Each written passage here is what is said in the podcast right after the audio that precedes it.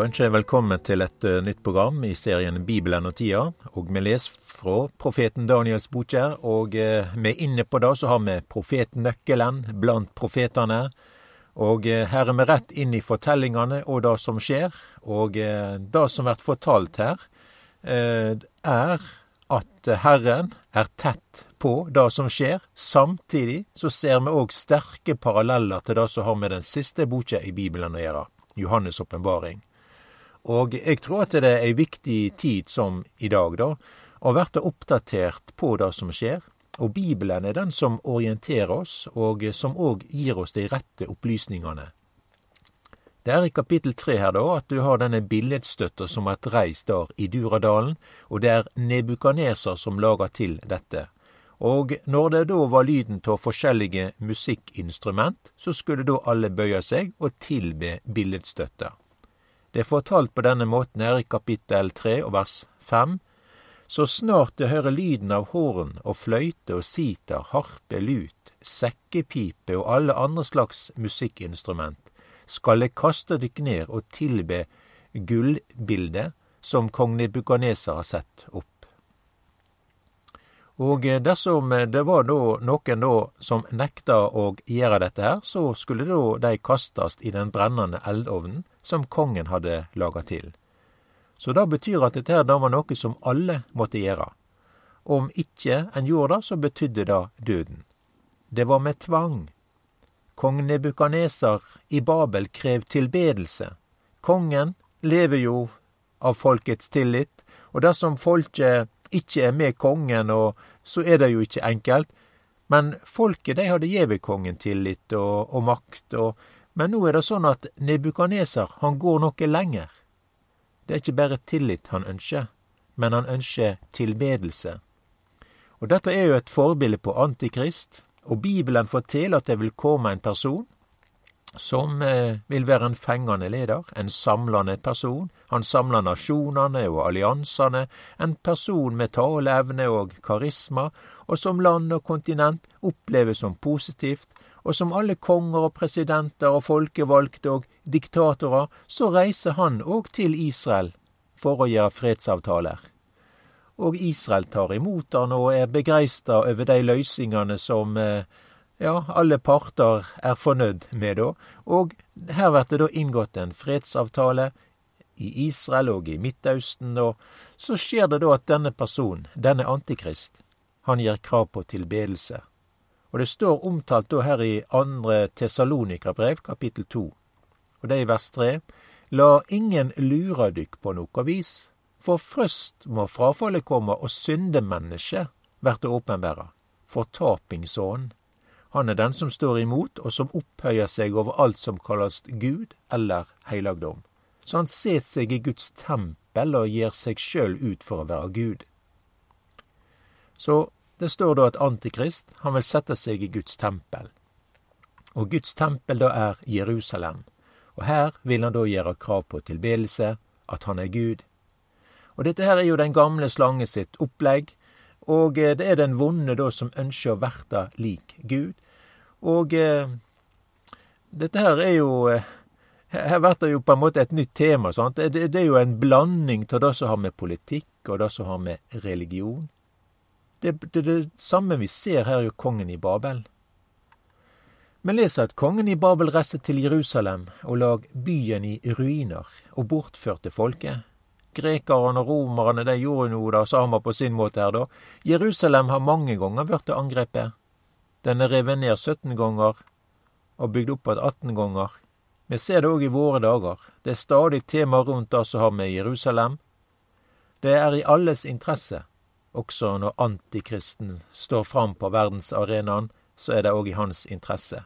Det er mange fine byer, viktige byer og attraksjoner og historiske begivenheter men eh, det kan likevel ikke sammenlignes med det som har med Jerusalem å gjøre. Og Grunnen er at Israels gud han har knytta navnet sitt til denne byen. Gud bor i Jerusalem. Han har gjort det til sin bostad. Vi kan lese her i femte Mosebok, kapittel tolv, og det står i vers fem der. For Herren dykkar Gud vil velge ut en stad mellom alle ættene dykkar, for å la navnet sitt bu der. dit skal jeg søkja, og dit skal du komme. Vi kan òg ta det med det som står i andre krønikabok, sju.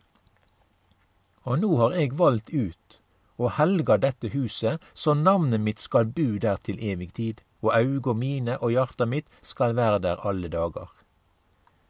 Jeg tar òg med Salme 132. For Herren har valgt ut Sion, han ville ha det til bostad. Dette er min hvilestad for all tid. Her vil jeg bu, fordi jeg har lyst til det. Sions forråd vil jeg velsigna, og den fattige der vil jeg mette med brød. Prestene der vil jeg kle i frelse, og de fromme der skal rope med fryd. Der vil jeg la et horn vekse opp for David, og gjøre i stand en lampe for den jeg har salva. Så det, det er jo for så vidt også lenge siden Gud peker ut Jerusalem og Moriafjellet. Det var Abraham som sa om Moriafjellet, på Herrens berg skal han la seg sjå. Og Abraham kaller også staden for Herren ser. Så det er veldig mange bibelord som skildrer Guds eh, omtale av denne staden her. Vi veit òg at det er på denne plassen og Jesu kors vart reist. Og det er ingen i tilværelsen av begivenheter av en sånn betydning som nettopp det som har med Jerusalem og Jesu kors å gjøre. Det er ingen ord i hele kosmos som er sagt av en sånn karakter for tid og for evighet som de ord Jesus sier på korset. Det er fullbrakt. Her er det tomme korset, her er den tomme grav. Det er Jerusalem som er staden hvor Jesus vil komme att. Her er framtida. Fra Sion skal lovlære gå ut, og Herrens ord fra Jerusalem. Og Dette er jo grunnene til at Jerusalem har en sånn fokus. Gud har valgt ut denne byen, og det er her Gud handler ifra. Her er Israels Guds navn knytta til, her er Guds gjerning og kjærleik åpenbæra, og det er her Jesus skal komme att. Og Derfor er det i dag at så mange søker til Jerusalem, og mange skal ha et ord med i laget når det gjelder denne byen.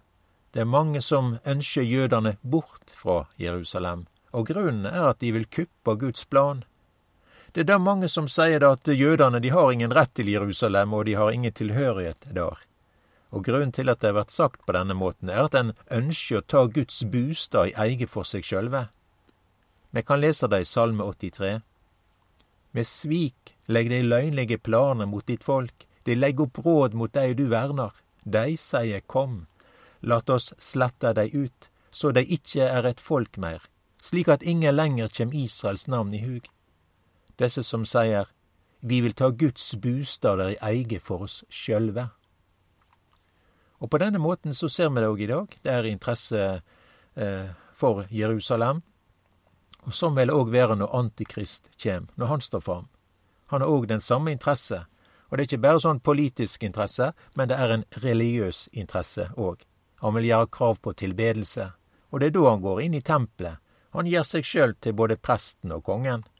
Og eh, dette er rettigheter som Antikrist sjøl gir krav på og at folket skal tilbe Han. Det er da jødene skjønner hva som er på gang, og de sier nei.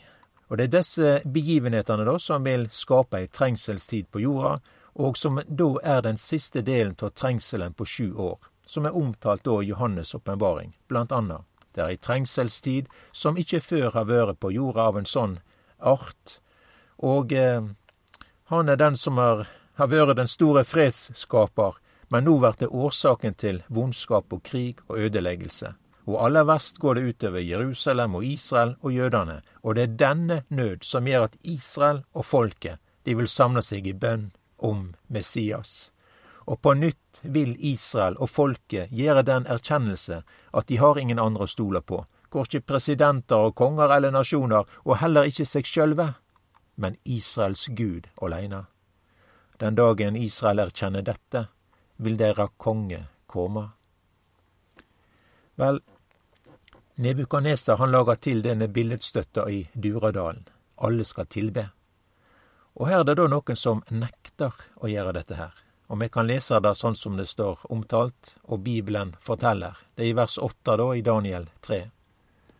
Men straks etter steg nokre menn mellom kalderene fram og klaga på jødene. De tok til orde og sa til kong Nebukaneser, kongen lever evig.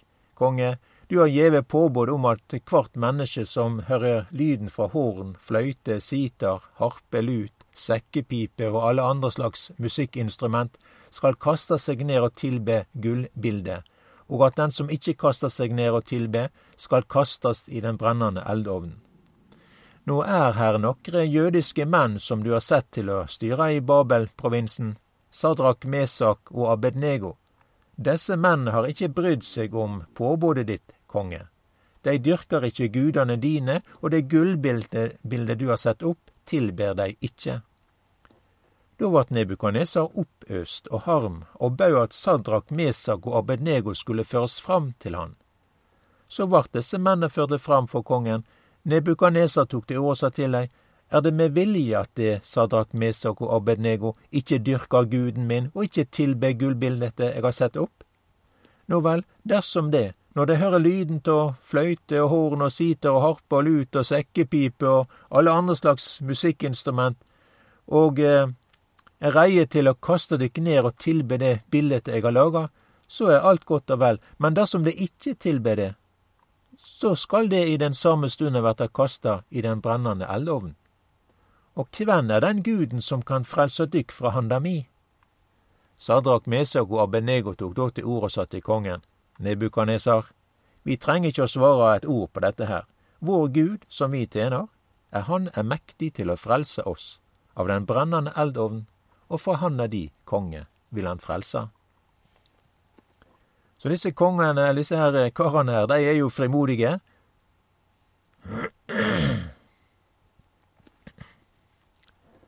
Så disse karene her, de er jo frimodige, og de eig visse om at deres Gud er den som ser det som skjer, og som vil verne om folket sitt, uansett korleis dette utfallet ville verta. Og når kongen høyrer det, så blir han sint, og eh, ovnen blir varma opp, og mange gonger meir enn det som den ellers var i utgangspunktet. Og Sadrak, Mesak og Abednego, de blir også kasta bunden inn i eldovnen. Og dei mennene av Nebukaneser som vart sett til å varme opp ovnen og skulle gjøre dette her, de døde på grunn av varmen. Men kameratgjengen de gikk omkring inn, inn i ovnen og lause òg. De var ikke aleine heller. Den fjerde så ut som en gudesønn. Og dette der er jo et bilde på trengselstider som skal komme over hele jorda. I Babel var det bare en lokal sak, men den trengselen som Bibelen forteller om, er noe som vil verta globalt. Og her i Daniel 12 og vers 1 så står det på denne måten På den tida skal Mikael stå fram, den store fyrsten, som verner om borna åt folket sitt. Det skal komme ei slik trengselstid som det ikkje har vore fra den dagen noko folkeferd eller folkeslag vart til og fram til den tida. Og på den tida skal alle dei av folket ditt som finst skrevne i boka, verta frelste. Men her er det da, gjennom denne nøden og denne, denne trengselet, som utløser dette ropet til Gud, og som òg vil verta Israels frelse. Så her i fortellingen jo Daniel, så er det jo bare ei fortelling, og det er mange profetord i Bibelen, men her har vi ei profetisk fortelling og skildring av tida som vil komme over hele jorda og dette samsvarer også det som vi ellers leser, annet i Johannes' åpenbaring.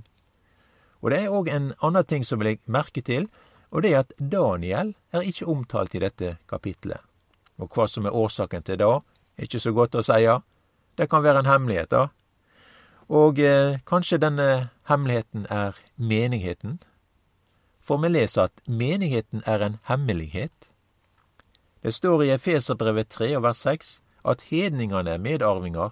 De hører med til lekammen, og de har del i lovnaden i Kristus Jesus ved evangeliet. Og det har vært omtalt som en hemmelighet. Som Daniel ikke er omtalt i kapittel 3 i profetboka. Sånn er det òg med menigheten under trengselstida, på jorda. Den er ikke der, den er i himmelen. Jesus kjem snart igjen.